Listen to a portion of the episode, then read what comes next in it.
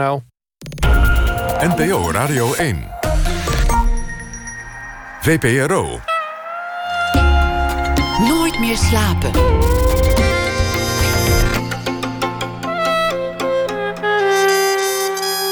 Met Pieter van der Wielen. Goedenacht en welkom bij Nooit meer slapen. Laten we er nou niet een afscheidsgesprek van maken, zeiden we de vorige keer tegen elkaar. De vorige keer, 2014, en Ivan Wolfers was hier omdat hij een boek had geschreven over leven met een terminale ziekte. Gelukkig is Ivan er nog en dus hebben we er ook geen afscheidsgesprek van hoeven maken. En Ivan is nu opnieuw hier. Hij heeft uh, sinds uh, bijna twee decennia een uh, terminale diagnose, prostaatkanker. Maar beter, vindt hij zelf, kun je praten over het leven.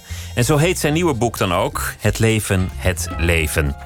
Sinds die diagnose schrijft hij met grote regelmaat stukken en blogs over ziekte, over gezondheid, maar vooral over leven, over sterven, over de wereld.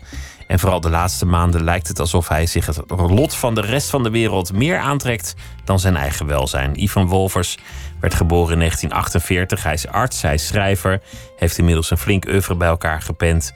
Vaak ook samen met zijn geliefde schrijfster Marion Bloem. Ivan, leuk dat je er weer bent. Welkom. Ja. Ik, ik vroeg me ineens af, stel, stel het, het zou nog steeds wel kunnen dat, dat jij gewoon 116 wordt. De leeftijd van de, van de oudste persoon tot nu toe ooit geleefd. Hm. Wat zou het dan hebben uitgemaakt dat jij destijds die diagnose hebt gekregen? Hoe heb je anders geleefd? Hoe zou dat leven anders zijn geweest? Dat is wel een hele moeilijke vraag. Ik denk dat het in, in ja, het, het scherpt, die diagnose scherpt wel alles aan. Hoe je leeft, hoe je, hoe ja, je erin ja, staat. dat je zorgvuldiger bent met, eh, met van alles. Omdat je, eh, vooral met je tijd. Uh, ja. Ja, dat is echt een hele moeilijke. Daar moet ik eens een stukje over schrijven. Maar, maar zorgvuldiger met je tijd, hou je dat vol zo lang? Want ik kan me voorstellen, als, als er een heel eindige diagnose is van... Je hebt, nog, je hebt nog twee jaar te gaan. Ja, ja. ja dan, dan zijn er dingen die je doet en er zijn dingen die je laat. Ja. Maar, maar inmiddels is het 18 jaar. Ja. Nee, kijk, het doen en laten, dat, heeft, dat verandert niks. Ik heb een plan en dat wil ik uitvoeren. Ik ga schrijven. Dat was eigenlijk al hoe het was. Ja. Want, want uh, dat is mijn manier van controle op de wereld houden. Met, van, van, van vormgeven aan, aan het wonderlijke wat er allemaal gebeurt. Van het mooie wat er gebeurt en, uh, en het verrassende. Maar um, uh, ja, daar. En daar voel ik eigenlijk de tijdsdruk niet. Want ik kan natuurlijk inderdaad zomaar overlijden, ja. En dan komt het volgende boek niet af. Ja. En dan was de laatste blog de laatste. Ja. En wel jammer dus. Maar ja, het is, is sowieso anders. jammer. Ja. Maar, maar, maar ja, dan heb ik gewoon wel... Een, ik heb nooit gedacht dat ik 72 zou worden. Dat was een absurde gedachte voor mij... Uh, tien jaar, vijftien jaar geleden. Wat dacht je toen? Nou, ik dacht, nou, is mooi meegenomen als ik zo oud word als mijn vader. Want ik was 54, toen werd het vastgesteld.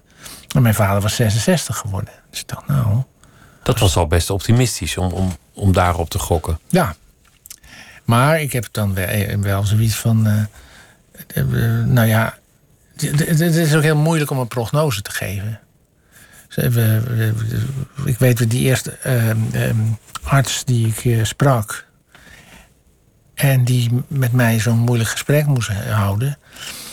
En ik dacht in mijn onschuld van, oh, wat moet ik nu zeggen? Oh, in films vragen ze dan altijd, dokter, hoe, hoe lang heb ik nog? Dus ik denk, dat zal ik dan maar vragen, dat zal wel moeten. En hij zei, ja, dat kan uh, drie jaar zijn, dat kan, uh, dat kan uh, vijftien jaar zijn. En dus dacht ik, nou, dus dan is het vijftien jaar natuurlijk. Want je bent een optimist. Want ik ben een erg optimist. Maar, en dus dat ik nou 72 ben... Ja, ik vind het heel verrassend. Dat is wel meegenomen dat je een optimist bent. Ja, zeker, zeker. Dat helpt. Zijn er nog momenten van wanhoop, van angst? Jazeker, tuurlijk. Bijvoorbeeld, ik heb het, uh, ik heb, ik heb het uh, um, lang volgehouden met hormonale therapie. Dus, uh, dus die onderdrukken uh, de, de aanjagers, de testosteron van, ehm, eh, van de, de kanker. En nou ja, elke keer een, een, een andere of een andere dosis of eh, anders gecombineerd. En zo zijn we, nou ja, drie jaar dit, eh, twee jaar dat, zijn we eh, eh, er doorheen gerold. Maar inmiddels zag je wel op de scans, ja, puntje erbij, puntje erbij. Ja. Dus heel langzaam zette dat proces zich ook voort van die, van die uitzaaiingen.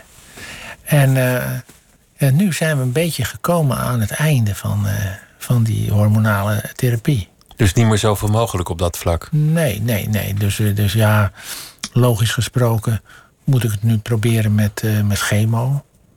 En eh, kijk ik naar uit. Ik bedoel, eh, ja, dat klinkt een beetje gek, maar ik denk van, wauw, nieuwe mogelijkheid.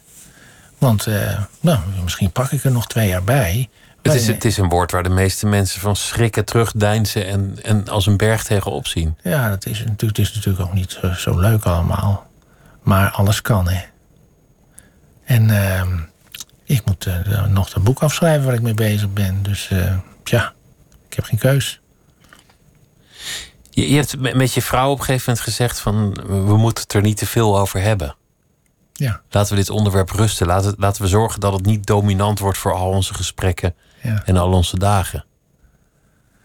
ja. Maar het is dus in sommige perioden is dat moeilijker dan in andere. Als er, er niks gebeurt. Ik, ik slik mijn pilletjes en, en de, de bloeduitslagen die blijven heel laag. Of die gaan weer eens een tijdje omhoog. En dan ja, met een ander middel gaan ze weer eens naar beneden.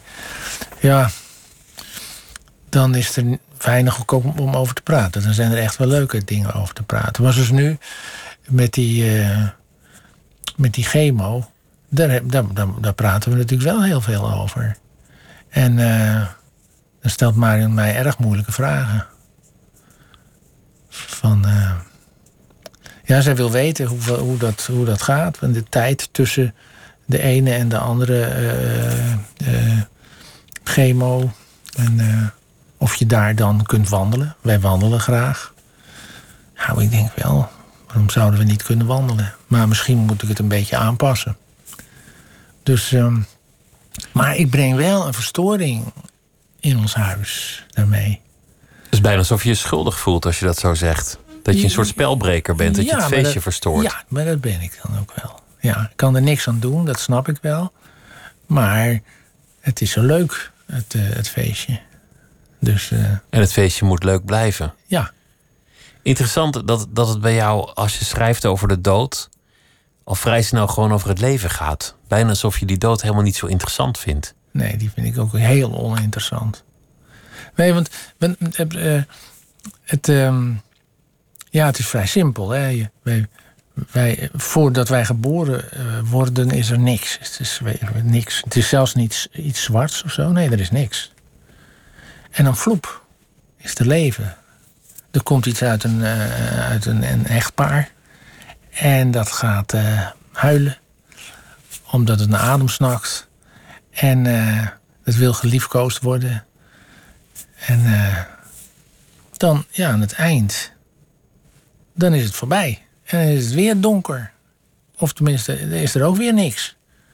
Dus het is niet boeiend, de dood. Toch heb je die dood altijd nodig om het leven te beschouwen.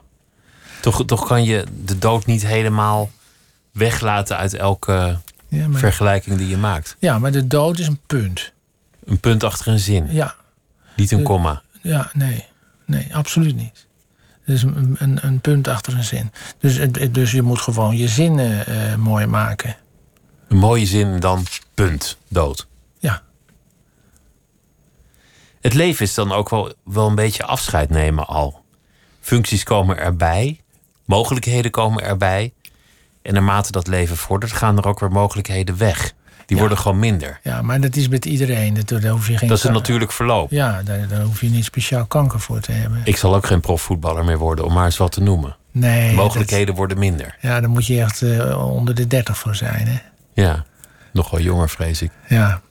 Nee, de. de eh, eh, nee, kijk, oh, dit bijvoorbeeld. Dit is ook ouder worden.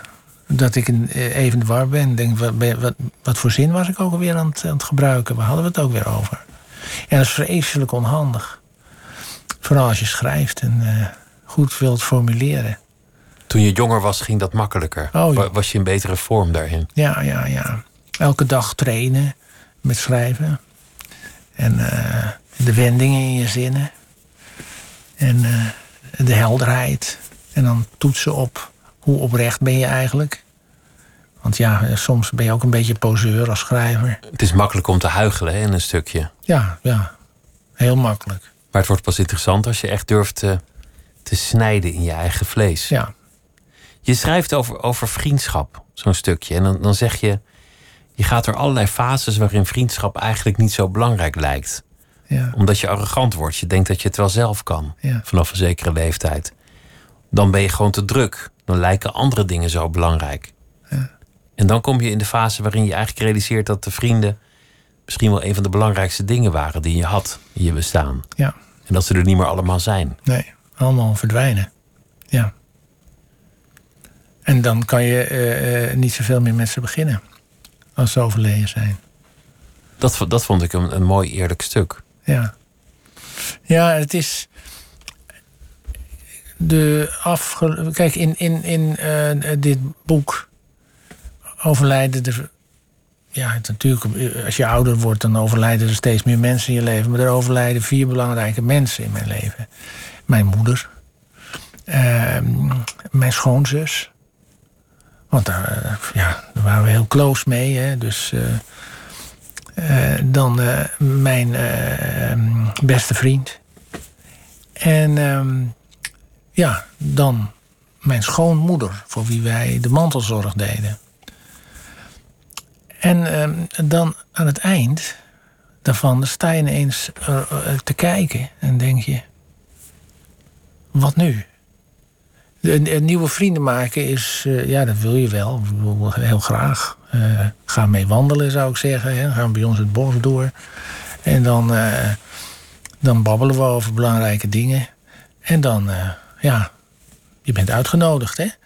Maar eh, het is heel moeilijk om eh, de vanzelfsprekendheid van dat soort relaties erin te houden. Zoals je Van bij- 50 jaar vriendschap. Van, van, van mensen die je kende toen je jong was. Ja, precies. En dat was heel gek. Toen eh, Abel, mijn vriend, overleed. Hij vroeg, later hoorde ik van zijn vrouw dat, ze, dat hij zich wel eens afgevraagd had waarom ik altijd zei mijn beste vriend. Maar ja, hij was de enige die ik zo lang kende. En eh, hij had mij gekend toen ik klein was. En wij hadden samen, ja, kattenkwaad uitgehaald. Wij hadden samen in de Lange Straat hadden wij samen eh, muziek uitgeko- uitgekozen. Om, eh, weet je, zo'n zo'n kastje. En dan legde die man de plaat erop en dan kon je het luisteren. En dan Sound of Silence. En dan prachtig, prachtig. Maar je kocht natuurlijk nooit iets, want we hadden helemaal geen geld. En eh, die man mopperde dan. En dan, eh, en dan praten we heel ingewikkeld over muziek. En, eh, en eh, zo zijn we, ja, hebben we elkaar een beetje gemaakt. Tot wie je nu bent. En, en tot wie je, tot wie je later werd. Ja, ja. En eh, dus ja, dat, dat is natuurlijk iets wat je, wat je even niet, eh, niet, niet op kan bouwen eh, op oudere leeftijd. Dat wordt moeilijk. Het, het is wel leuk wat je, wat, je, wat je schrijft over jezelf als je jong bent. Want je, want je schrijft ook over Marion, dat zij jou echt heeft gemaakt tot wie je bent. Ja, Dat, dat je niet iemand was geworden zoals je nu bent zonder haar. nee. Ze heeft jou tot, tot grotere hoogte gebracht dan je zelf dacht dat mogelijk was. Gestimuleerd om te schrijven. Is, is dat een gedachte dat de liefde van je leven het dan misschien nog met een ander zal afmaken?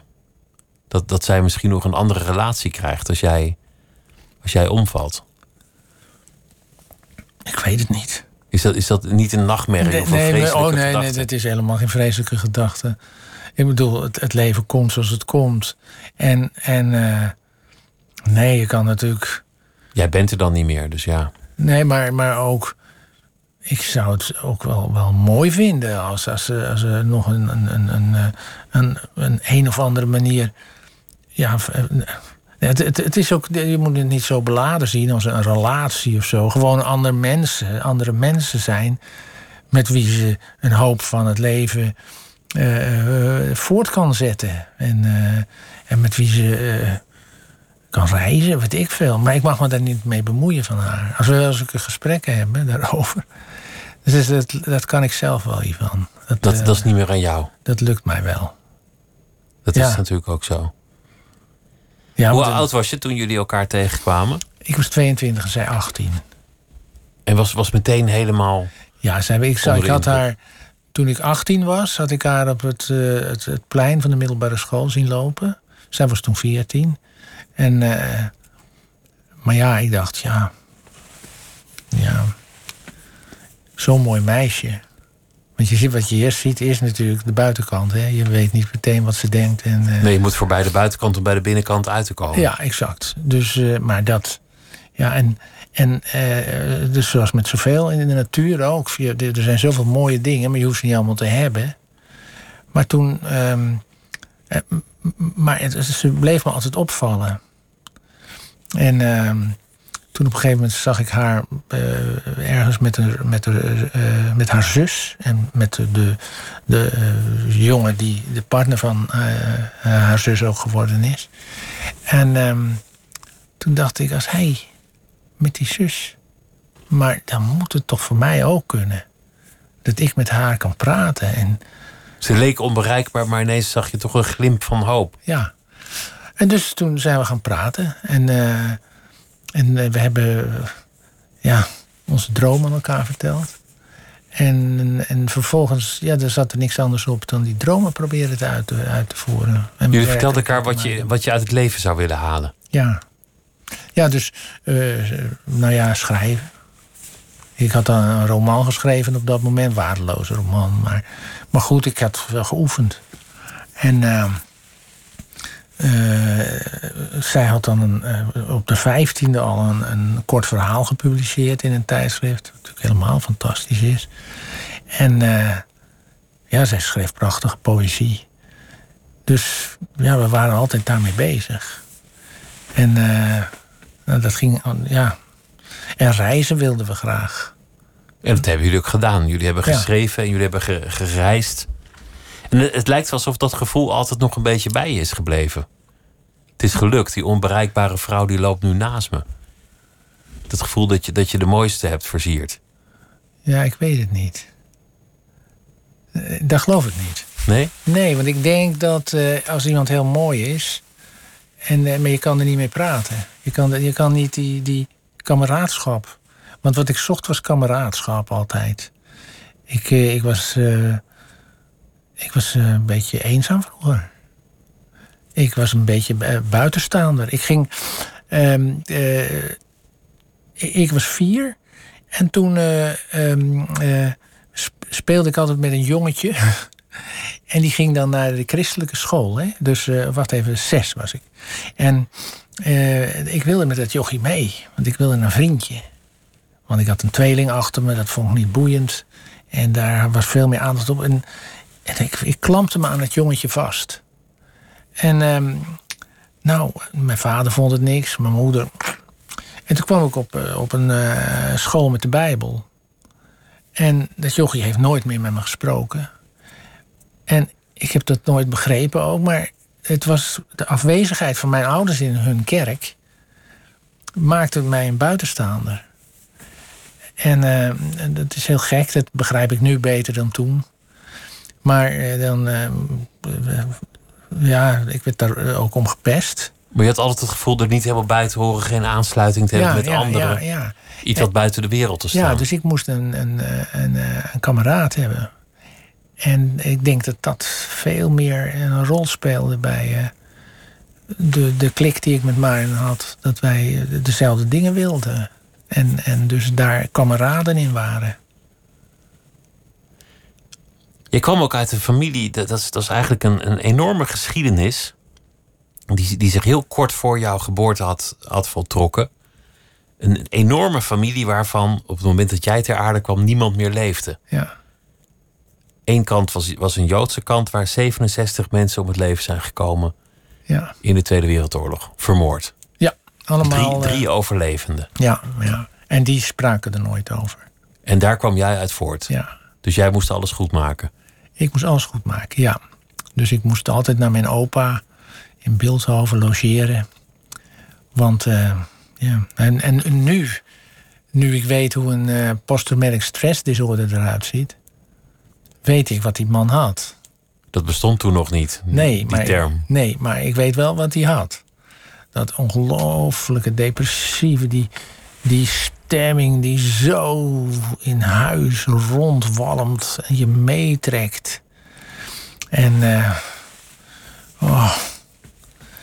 ja, en dan moest ik, hij, en hij was kunstenaar, dus ik moest ook kunstenaar worden. En dan, eh, ja, dan zou hij mij leren schilderen, weet ik wat allemaal. En, en, en, eh, en ik kon het, ja, ik, ik kon wel een poppetje maken. Maar ik, ik, ik wilde dat niet. Wat mijn opa deed, dat schilderen van die, van die hemel en, en, en een bergje in Lugano en zo. Dat eh, trok mij niet zo. Dus ehm, Dus er lag wel een soort druk om allerlei dingen te gaan doen. ja, Dingen waar je geen zin in had. Die je niet wilde. nee, nee, ja, precies. Dus dat goed maken, dat, dat, dat lukte helemaal niet. Nee, dat is ook een beetje te grote taak voor een jongetje. Lijkt me wel, ja. Ja. Dus ik eh, ben blij dat ik, eh, ja, Marion een eigen club had. Jullie waren je eigen clubje. Ja, En je kreeg er een hele wereld bij. Want, want zij kwam natuurlijk voor een deel uit een andere cultuur. ja dat, Met, met ander ja, eten. En dat was Ja. natuurlijk een hele wereld die je Ja. zomaar cadeau kreeg. Ja, absoluut. Zo'n Indisch meisje. Ja, en ik was een eh, kleine antropoloog in de dop. Dus eh, ik, ik zat. Het was een reis, hè. Dus dat ik daar eh, de eerste middag dat ik daar kwam, dat haar moeder ons een, ehm, een pot neer eh, met, met touwgee gaf. En dan moesten die groene kopjes af. Hè, dus eh, helemaal plukken netjes. En, want je moest je handen altijd gebruiken. Ik ben ook helemaal verliefd geworden op dat Indische eten. Door bij mijn schoonmoeder in de keuken altijd te kijken en te doen. En, en te helpen met de, met de kroephoek zo een beetje uit te trekken in die pan. Dat die mooi recht wordt en plat en niet helemaal op gaat krullen. Dus ja, ik heb er het, hele- ehm, eh, kookboek over getypt. En toen had ik wel bewezen dat ik een, een Indo was of zo. Dat, ik, Dat je erbij hoorde. Dat ik erbij hoorde. Want, want in het begin zagen ze je komen. Dachten ze, wat, wat komt die weer doen? Ja, weet niet. Ja. Ze zullen wel vaker jongens hebben zien passeren voor hun dochters. Denk ik zo. Er er is één verhaal dat, dat jullie kindje jong was. Twee jaar oud. Ja, En, en dat er iets, eh, iets gevonden werd door de dokter. ja, Een, een zeldzame hartziekte. En dat de dokter zei, nou ja...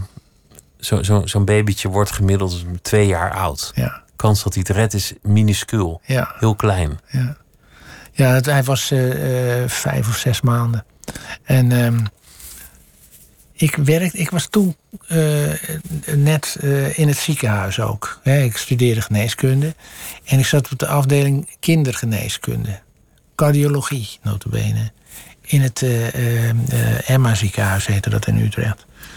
En ehm, dan... en, en, en ja, wij waren bij... Via de huisarts waren we bij een, een, een, kinderarts gekomen. En die zei, ja... Dit, ja, de oudste die ik ooit heb meegemaakt is vier geworden. Dat is ook, een hele tactische manier om het aan de ouders te vertellen.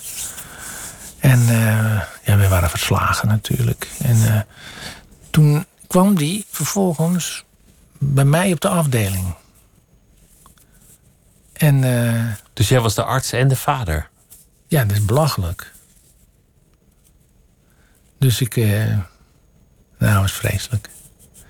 Maar, maar het kind heeft het overleefd. Ja. Ik denk ook mede door Marion ook. Want eh, bijvoorbeeld, dan eh, zei de, eh, de, de zaalarts, die zei, we moeten katheter, of de, de cardioloog, die zei, we moeten katheteriseren om zeker te weten dat het dat is en niet dat. En dan zat ik, voelde ik me een beetje in de knoop. Van, ja, ja, natuurlijk, dan weet je het zeker. Maar Maarten die was slimmer. Die zei ja, en als je dat dan weet, wat dan? Wat maakt het uit voor de behandeling? Nou ja, niks, zei ze. Maar ja, je helpt de wetenschap ermee. Want dan krijgen we er meer zicht op. Maar nou, dan doen we het niet. Nee, ga niet, niet als een proefexemplaar voor de wetenschap. Nee, en, en moesten, wij moesten toen we eh, eh, daar dus eh, hem mee wilden nemen naar huis, wat onze beslissing was, zeiden ze van ja, maar dan moet u wel tekenen dat wij dat het uw eigen verantwoordelijk is. uw eigen verantwoordelijkheid is. Beetje zwaar, beetje heftig. Maar we hebben daarvoor getekend en we zijn naar huis gegaan. En ja, misschien ook dat optimisme van ons. Wij dachten, hij gaat het redden. Dat wist je meteen, een soort rust eigenlijk. Ja, ondanks dat het zo'n alarmerend ja. er stond bericht was. Het, was de, de, de fibroele stosis, heet die van het hart, heet die aandoening. En daar stond in, in, in het grote leerboek stond, nou, uh, 2% haalt het. Dat we, nou ja, dit is onze 2%. Dat worden wij, ja. die 2%. Het is een intuïtie eigenlijk. Ja. Is dat, is dat het moment dat jullie kinderjaren voorbij waren? Ja, absoluut. daarna ben je er wel, toch? Dan, ja, ja, ja. dan heb je in zo'n afgrond gekeken, dan, dan is het ja, nee, heel, heel erg, nee, precies. Heel, en, en, en omdat je dan ook niet meer parallel loopt met je leeftijdsgenoten. Die allemaal jong zijn aan dingen beginnen en, en noodlot bestaat nog niet zo. Nee, nee, precies. En dit was. Uh, kijk, het heeft vijf jaar geduurd voordat die cardioloog uh, zei uh, tegen Marion: Maar mevrouw, is dit Kaya? Hij ziet er zo goed uit. Um, ja, hij zei: Als ik nog de oude elektrocardiogrammen bekijk, dan zou ik nog steeds dezelfde diagnose stellen. Maar hij ziet er zo goed uit. Hij, ja, is fantastisch. Hij is genezen. Door het lichaam zelf in wezen. Ja, eigenlijk. Nou, wij weten niet waardoor. Maar het gekke was. Wij, ja, wij, je, je, gaat hele gekke dingen doen. Ik dacht als ik. Want dan moesten we ergens naartoe. En dan lag hij nog in dat ziekenhuis. En dan dacht ik, als ik alle motoren die ik tegenkom nou goed tel. en geen één mis. Dan. een beetje, beetje magisch denken. Bijgeloof. Ja, magisch denken. Dat zou ik ook wel hebben in zo'n geval, denk ik. Ja, en het is ook goed dat je het allemaal meemaakt, want dan word je als arts beter. Je moet natuurlijk zelf allemaal door die shit heen. Alles begrijpen. Om te weten wat een patiënt voelt. Ja, empathisch te kunnen zijn. Je schrijft nu over je kleinkinderen. En, en dat je het zo fijn vindt om met ze te praten over allerlei dingen. Ja. En, en dat je dan probeert jouw diagnose uit te leggen aan een van je kleinkinderen. En dat hij dan zegt: Oh, dus je hebt eigenlijk maar een beetje kanker. Ja. Dat, dat is een hele, hele lieve formulering. Heel leuk eigenlijk. Dat zo'n kind dat zo ja. verwoordt. Ja. Een beetje. Ja, een beetje. Ja, zo zie ik het ook maar een beetje dan. Dan bedoel, ja, het is natuurlijk absoluut. Je hebt het of je hebt het niet. En, uh, en dus, uh, maar je hebt het al in gradaties. Ja, ja, absoluut. Maar ik zat meteen in, in, eh, in de palliatieve fase. Hè? Dus het was doorgebroken. door de kapsel heen. En ja, er viel operatief en zo niks meer aan te doen. En ik herinner mij van een, een twee jaar geleden of zo. de Marion was dat nooit opgevallen. Maar toen, toen waren we met, met de uroloog weer aan het overleggen over van alles. En toen zei hij ook, ja we, ja, we zijn met de palliatieve behandeling bezig. En zij schrok helemaal. Palliatief, want ze denkt, dat is dan toch bij de, de allerlaatste. Dan ga je dood. En toen, ja, toen zei hij, ja, maar wij zijn palliatief bezig vanaf 2002. De hele tijd al? De hele tijd al. En uh, die woorden die schrikken ook allemaal zo af.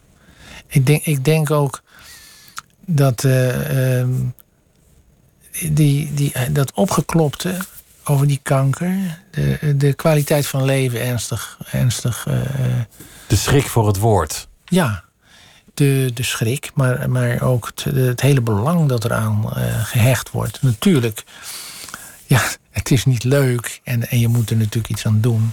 Maar als het, dat het zo'n ongelofelijke hoofdrol gaat spelen in de hoofden van mensen. Terwijl als ze dat beetje leven dat er is, gewoon nou lekker zouden uh, accepteren en, uh, en daar iets moois van maken.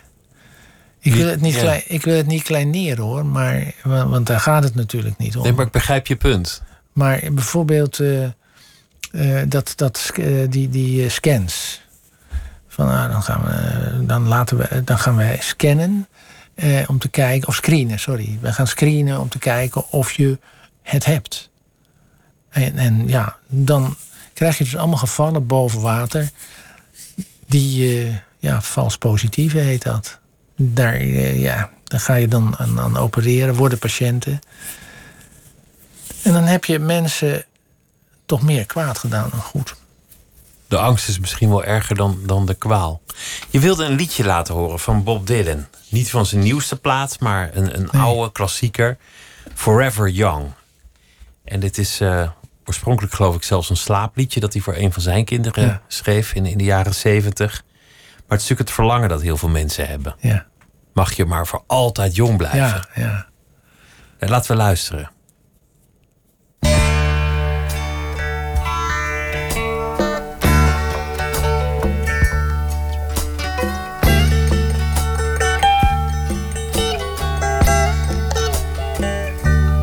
May God bless and keep you always. May your wishes all come true. May you always do for others and let others do for you.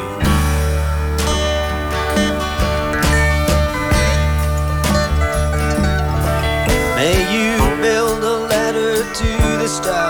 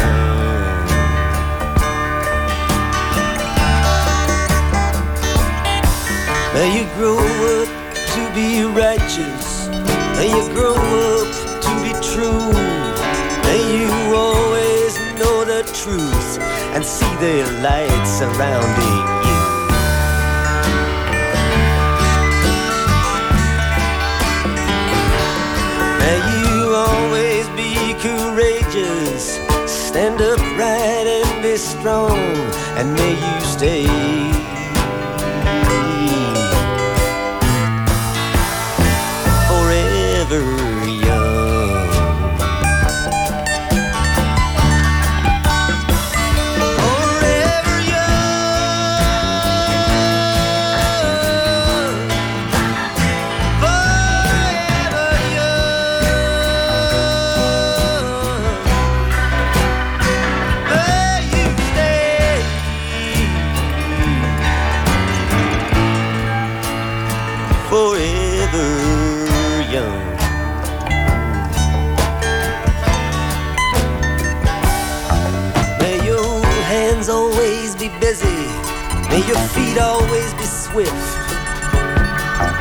Have a strong foundation when the winds of change shift.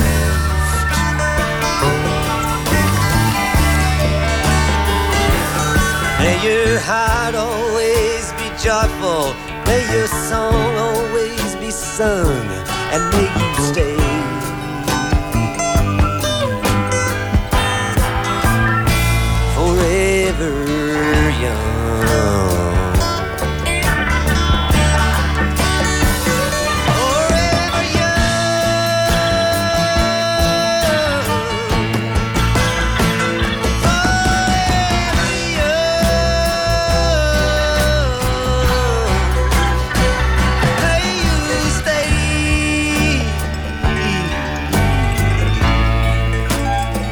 forever.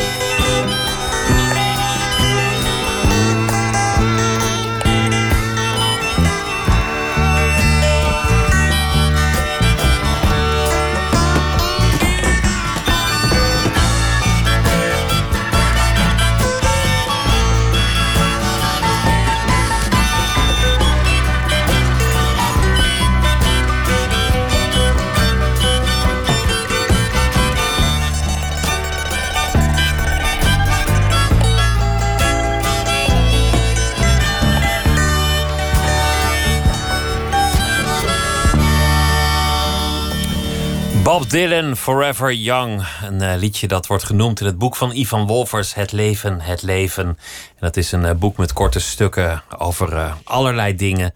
De dood is maar een punt, zei hij eerder in dit gesprek. Het einde van een zin, maar het gaat om de zin, om het maken van een mooie zin. Het gaat om het leven. En in het stuk in dat boek schrijft hij dat jong zijn iets is dat je op elke leeftijd kunt, omdat het gaat om je, je geest, om je hart, om je werkelijke leeftijd, hoe je in het bestaan staat. Wat, wat mij opvalt, ook, ook in het boek, is dat je heel begaan bent met de wereld. Misschien nog wel meer dan met je eigen leven. Misschien wordt dat zelfs wel meer, gaandeweg de, de tijd. Nu je ziek wordt, dat, dat, je, dat je met een andere blik naar die maatschappij kijkt, naar de samenleving. En, en dat dat je eigenlijk misschien wel meer raakt dan je, dan je eigen zijn. Nou ja, ik ben altijd wel uh, betrokken geweest, omdat ik uh, op een gegeven moment, ik, ik, nadat ik uh, een tijd uh, als huisarts gewerkt had, ben ik gaan schrijven. En voor de Volkskrant vooral. En, maar dan, ehm, ik moest op een gegeven moment kiezen. Wat ga ik nou doen? En toen was er een, een, een arts uit Bangladesh. En die zag mijn boekje met, uh, met uh, illustraties van Opland. Hè, die illustrator die toen erg populair was. En die zei, uh, ja, maar hij zei, dat zou ik nou voor mijn blote voeten dokters in Bangladesh moeten hebben. Want hij trainde gewoon meisjes van 15, 16 tot blote voeten dokters. Want er waren überhaupt geen dokters in de dorpen. Dus hij zei dan, ja, dan, ja ze moeten dan een, een, twintigtal medicijnen. En als jij dat nou een beetje zo, voor mij zo... Uh... En ik dacht, goh, wat een goed plan. Ja, ik ben altijd gauw Een simpel instructieboekje, een soort ja. cursusje visueel... dat mensen de allerbasaalste medische handelingen kunnen verrichten. Ja, precies. Dus ik, ik ging dat doen. En toen was ik verkocht. Want ik zag hoe die mensen leefden. En toen begreep ik ook wat gezondheid is. Wat, wat de condities zijn waaronder gezondheid bepaald wordt. Ja, armoede, daar gaat het om. Belezenheid, gelijke rechten. En toen ja, ben ik daar geleidelijk aan ingekomen. Dan gingen we naar Indonesië. En toen ben ik gepromoveerd in die medische antropologie. En steeds meer van die projecten. Dus gezondheid is een cultureel gegeven? Ja, een, const een constructie, bij wijze van spreken, die gebaseerd is op uh, al dat soort factoren. En dan komt er zo'n virus. En dat floreert fantastisch. Binnen die bepaalde condities. Dat zou je ook, misschien een grote sprong, maar van corona kunnen zeggen. Dat, dat corona precies op het goede moment kwam vanuit het virus bezien, omdat alles er klaar voor stond. Ja. Het was de ramp die, die perfect kon gebeuren, bijna evolutionair toegerust op de omstandigheden. Ja, je moet uitkijken dat je niet een, eh, een soort alternatieve dweper wordt met, met schijntheorieën. Maar je kunt wel degelijk zeggen dat in, in de manier waarop wij in de wereld samenleven, met andere mensen, met, met andere biologische soorten, dat wij behoorlijke diversiteitsverstoorders zijn als mensen. En dat wij uh, behoorlijk ingrijpen in uh, de erfelijkheid van, van dieren. En ook in de, in de habitats, de, de, de, de plekken waar mensen, waar virussen bijvoorbeeld leven. En, en dan, ja, dan komen die beesten op een gegeven moment, hebben ze daar weinig, minder kansen om zich goed te vermenigvuldigen. En dan komen ze op, op die markt met heel veel mensen erbij. Dan krijg je natuurlijk wel een situatie die we zo per ongeluk, niet willend, uh, ja, toch een beetje ook zelf gecreëerd hebben. Zoveel dieren op elkaar, zoveel generaties die elkaar kunstmatig opvolgen in zeer korte tijd. Een soort versnelde evolutie. Ja, ja, sowieso. Kijk, want Vroeg of laat zou daar een virus, dat, dat hebben ook heel veel mensen gezegd. Ja. Daar is heel vaak voor gewaarschuwd. Ja, zeker. En dat zien we ook in onze darmen. Eh, het is allemaal pure wetenschap. Uh, wij weten dat. En, en zo'n bacterie of zo'n virus, zo'n micro-organisme... ja, dat kan zich uh, binnen een uur vermenigvuldigen. Wij doen er twintig jaar over. Of eh, als we laat kinderen hebben, doen we er 13 jaar over. Maar dus bij ons duurt het heel lang voor wij ons aanpassen aan eh, de omstandigheden. Maar bij micro-organismen gaat het natuurlijk razendsnel. Zo'n virus kan dat in no time zich aanpassen aan iets Ja, anders. ja. En dan eh, wil je er niet over nadenken, maar je moet het toch eigenlijk wel doen. Ja, maar dan zijn er een heleboel scenario's mogelijk. En verdraaid. Nou hebben we zo'n scenario. Terwijl bijvoorbeeld eh, aids, dat zat er natuurlijk ook dicht tegenaan. Dat was ook. Eh, dat had ook te maken met, met, met Afrika, met, met, met genetische veranderingen van, van, van die virussen. Die dan niet alleen maar bij apen konden overleven, maar ook bij mensen. En ja, Je hebt er ook over geschreven al lang voor corona dat zoiets zou gaan gebeuren. Het is niet dat je nu achteraf wijs zit te doen. Nee, Je, ik- je, hebt ja, al, je hebt al een aantal stukken geschreven, jaren geleden, Ja, waarschuwend voor een pandemie en, en voor de risico's die we aan het nemen waren.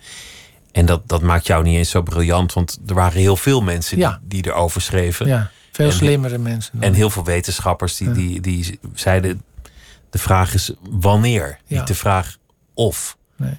To- Toch heb ik het idee ook in deze crisis dat, dat alles toch wel door korte termijn geregeerd wordt. Ja. Maar ja, je hebt bij dit soort crisis natuurlijk de korte termijn en de lange termijn. Kijk, de lange termijn, dan zou je denken van, oh mijn god.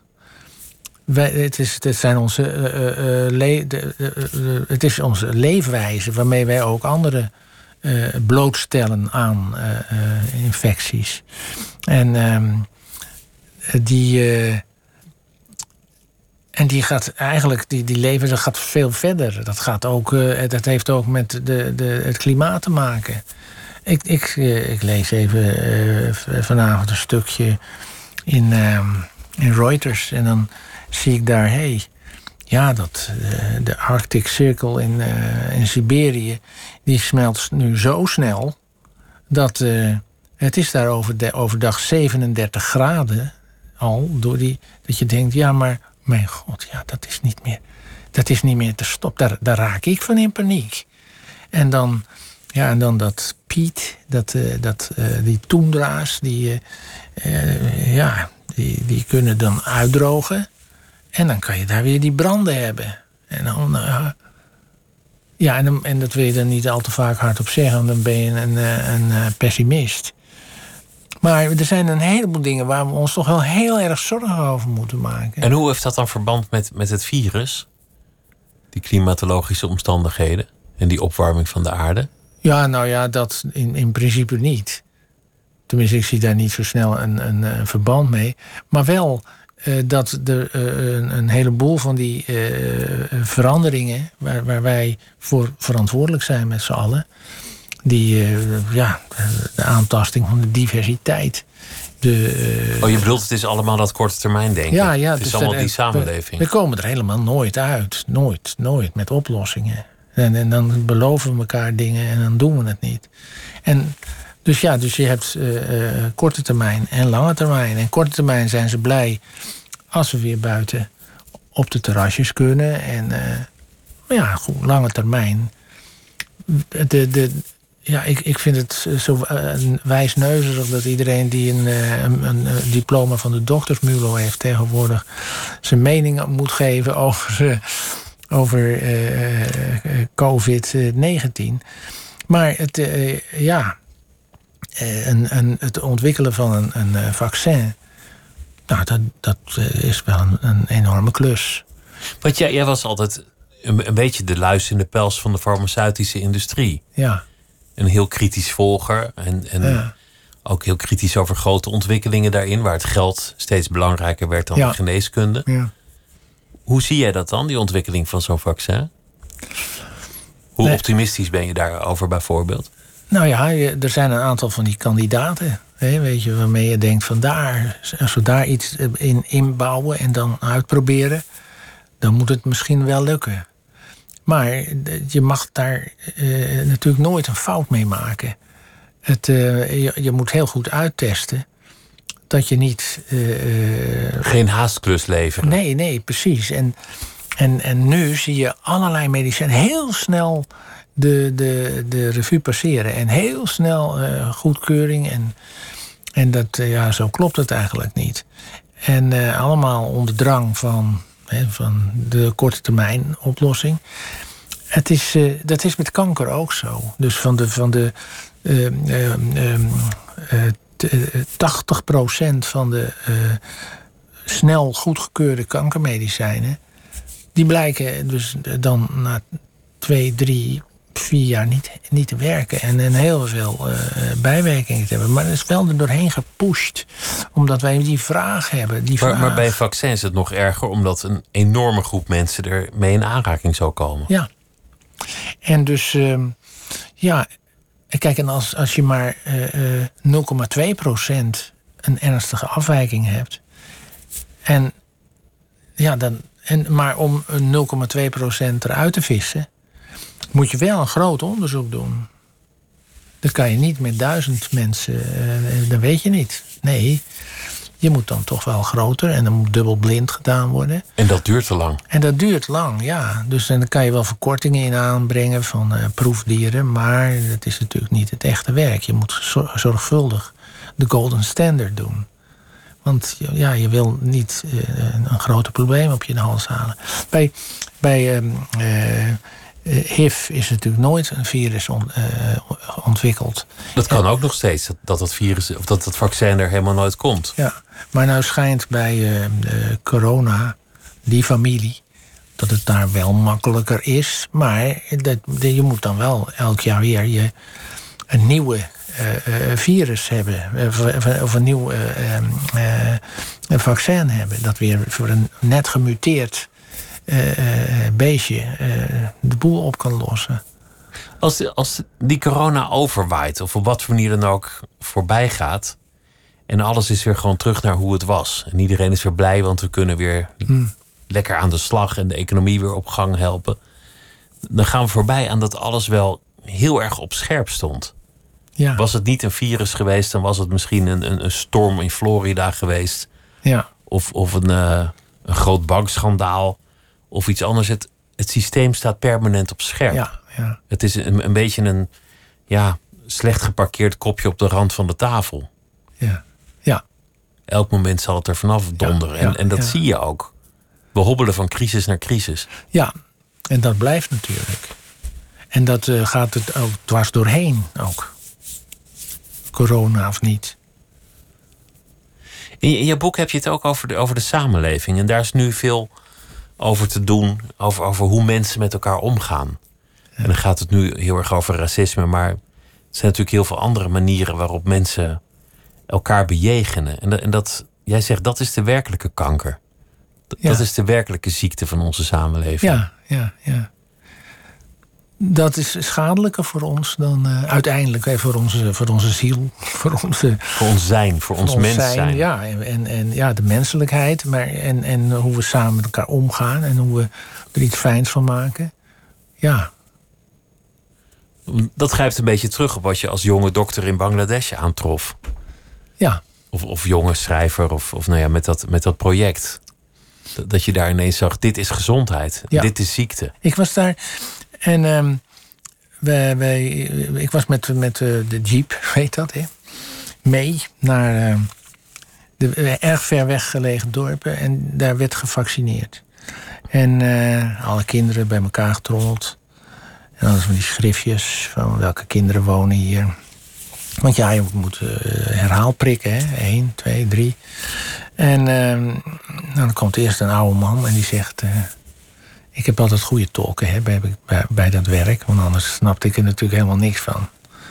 Ik wist alleen maar er cup cha te zeggen, één kop thee. Dus maar, eh, daar heb je voor dat soort werk niet zoveel aan. Maar ehm, dan ehm, eh, eh, zei hij... eh, maar heeft u dan ook een vaccin tegen de honger? Nou, dat is wel een goede vraag.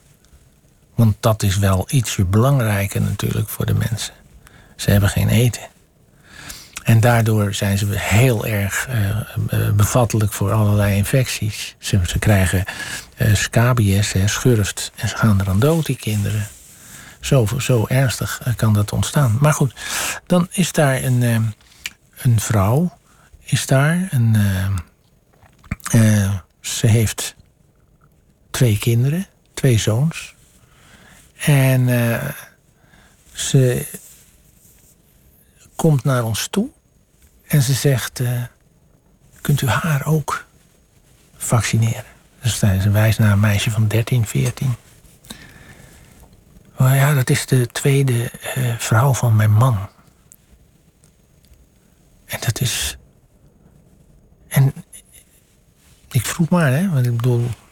Ik zeg maar, maar bent u dan niet verdrietig als, eh, als u. hoe doet u dat? Eh, ja, ik vind het heel verdrietig, zegt ze. Dat ik, dat ik ze dan zo hoor en dat ze gelukkig zijn samen. Maar, maar, zij, maar zij denkt wel aan dat, dat kind dat hij ook gevaccineerd moet worden. Dat zijn leermomenten, weet je. Die, eh, ja, die zitten zich met haakjes eh, vast in je, in je hoofd. Dat gaat over, over menselijkheid. Dat je denkt, Ah, op, op die momenten zie je wat, wat voor mensen belangrijk is. Ja, ja, ja. En dat is dan, als je over geneeskunde denkt, gezondheid. Ja, Want, want je schrijft bijvoorbeeld, dat, dat gaat dan over eh, bootvluchtelingen. Dat mensen op allerlei fora achterlaten. Nou, eh, fijn dat hij verdronken is, die kan niet meer hierheen komen. ja. Dat, dat mensen een, een foto van een verdronken kind als screensaver installeren. Of dat ze dat ergens plaatsen en er grappige, grappig bedoelde commentaren Ja. onder plaatsen. Dat, dat is of heel dom of heel gruwelijk, maar vermoedelijk allebei. Ja. Van de gruwelijke domheid. Ja, en het is, eh, en het, dat doet mij eh, heel erg zeer, hè? Als ik het zie. Alsof het eh, het voor mij persoonlijk bedoeld is. Het raakt jou echt heel diep Ja. als je dat soort, dat soort dingen ziet. Jij, stomt niet af daarin. Nee, want, want mensen doen dat expres. Ze, ze, ze, het is niet per ongeluk dat je zoiets doet. En, en hoe kun je je zo laten meeslepen in, eh, in gedachten over verschillen tussen mensen? En eh, ja, dat, dat is. ehm, als je het hebt over eh, eh, een grotere kanker voor mensen, dan is dat denk ik wel eh, ja, een voorbeeld van hoe, hoe we het eigenlijk niet moeten willen hebben. Misschien is dat wel de grootste ziekte. Ja, Die statistieken zijn altijd interessant natuurlijk. Dit, dit is de ernstiger ziekte dan dat. Kanker is groter dan corona. En eh, corona is weer groter dan, eh, ja, ja. ja. dan mildvuur of, of weet ik veel wat. Ja, en dan zijn we allemaal eh, die, die helden die het oplossen. Weet je, die vechten voor de levens van mensen, maar we vechten we ook nog voor het geluk, het welzijn en, en een gebalanceerd leven. Dus ja, daar moeten we altijd een balans in vinden. En, dan, en, en dat, is, dat vereist eh, verandering op de lange termijn. En empathie uiteindelijk. Ja, een heleboel empathie. Hoe zie je, hoe, hoe, eh, wat, wat zijn nu nog de dingen die je echt per se wil? Want je bent bezig met een boek over je familie. Ja, Uitzoeken wat je nooit mocht weten. Wat, wat jou nooit verteld werd. ja. Dat, dat is eigenlijk het grootste project van alle boeken die je geschreven hebt, volgens mij. ja, het komt er wel een beetje in de buurt.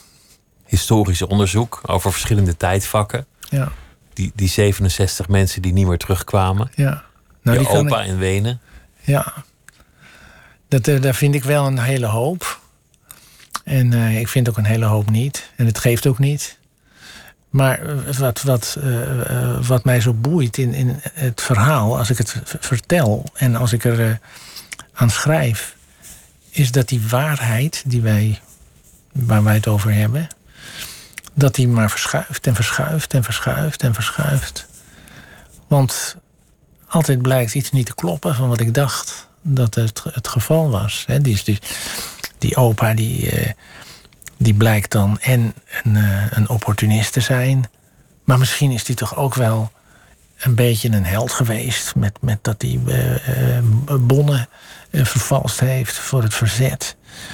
En dus mensen zijn allemaal maar ja, dingen van de omstandigheden.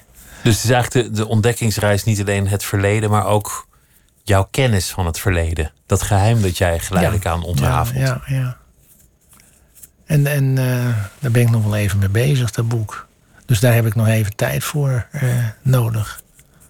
Zo gaat het dan, hè? Dat je, dat je denkt, hoeveel tijd heb ik uh, nog nodig? Ja, daar heb ik nooit, weet je, nooit last van gehad. Nooit. Maar nu wel een beetje. Dat ik daar steeds aan denk van, oh. Geef me nog drie jaar, dan kan ik dit nog afmaken. Ja, ja. Nou, twee. Twee? Ja. In twee jaar moet je dit redden. Ja, dat lukt wel. Ja, en dan nog één jaar voor de promotietour. Ja, ja. Dat zou mooi zijn, toch? Dat zou heel mooi zijn. En dan ben ik 75, dan ben ik ouder dan mijn opa geworden. Nou, ja, moet toch weg. Eh, je zegt daar, je zegt daar heel, heel terloops iets heel moois. Je moet toch weg. We moeten toch weg. Ja. Je moet plaatsmaken voor de nieuwe generatie. Absoluut, absoluut. Die is evolutionair iets beter toegerust op de, op de nieuwe omstandigheden. Ja. Dus maak plaats. Geef de evolutie een kans. Ja. Zo simpel is het. Ja. Nou ja, en, en eh, met mijn drie fantastische eh, kleindochters heb ik ook wel goede hoop dat zij daar wel een goede bijdrage aan gaan leveren. Je maakt deel uit van een keten. Kom over, uh, over twee jaar nog een keer als je, je boek klaar is over je, ja. je familie. Want ik ben benieuwd naar al die verhalen en, en wat je te weten bent gekomen en wat je kunt vinden. En het boek dat nu uit is heet Het Leven, Het Leven. Ivan Wolvers, dank je wel. Het was, uh, het was me genoegen wederom om met je te praten. En ik wens je heel veel uh, geluk en heel veel plezier. Dank, dank je wel. Dank je. Morgen dan uh, komt uh, Nadja Hupscher uh, hier te gast. Want zij heeft een boek geschreven. Geluk met een K. En dat gaat over een jong gezin in tijden van tegenslag. En zometeen bij Miss Podcast. Dan is Hanneke Groenteman te gast bij Misha Blok. En zij heeft er alweer 100 afleveringen op zitten, Misha. En ik wens iedereen een hele goede nacht.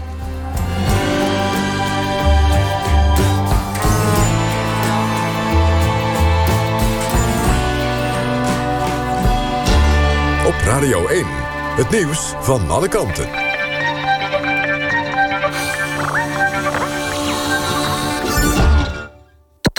NPO Radio 1.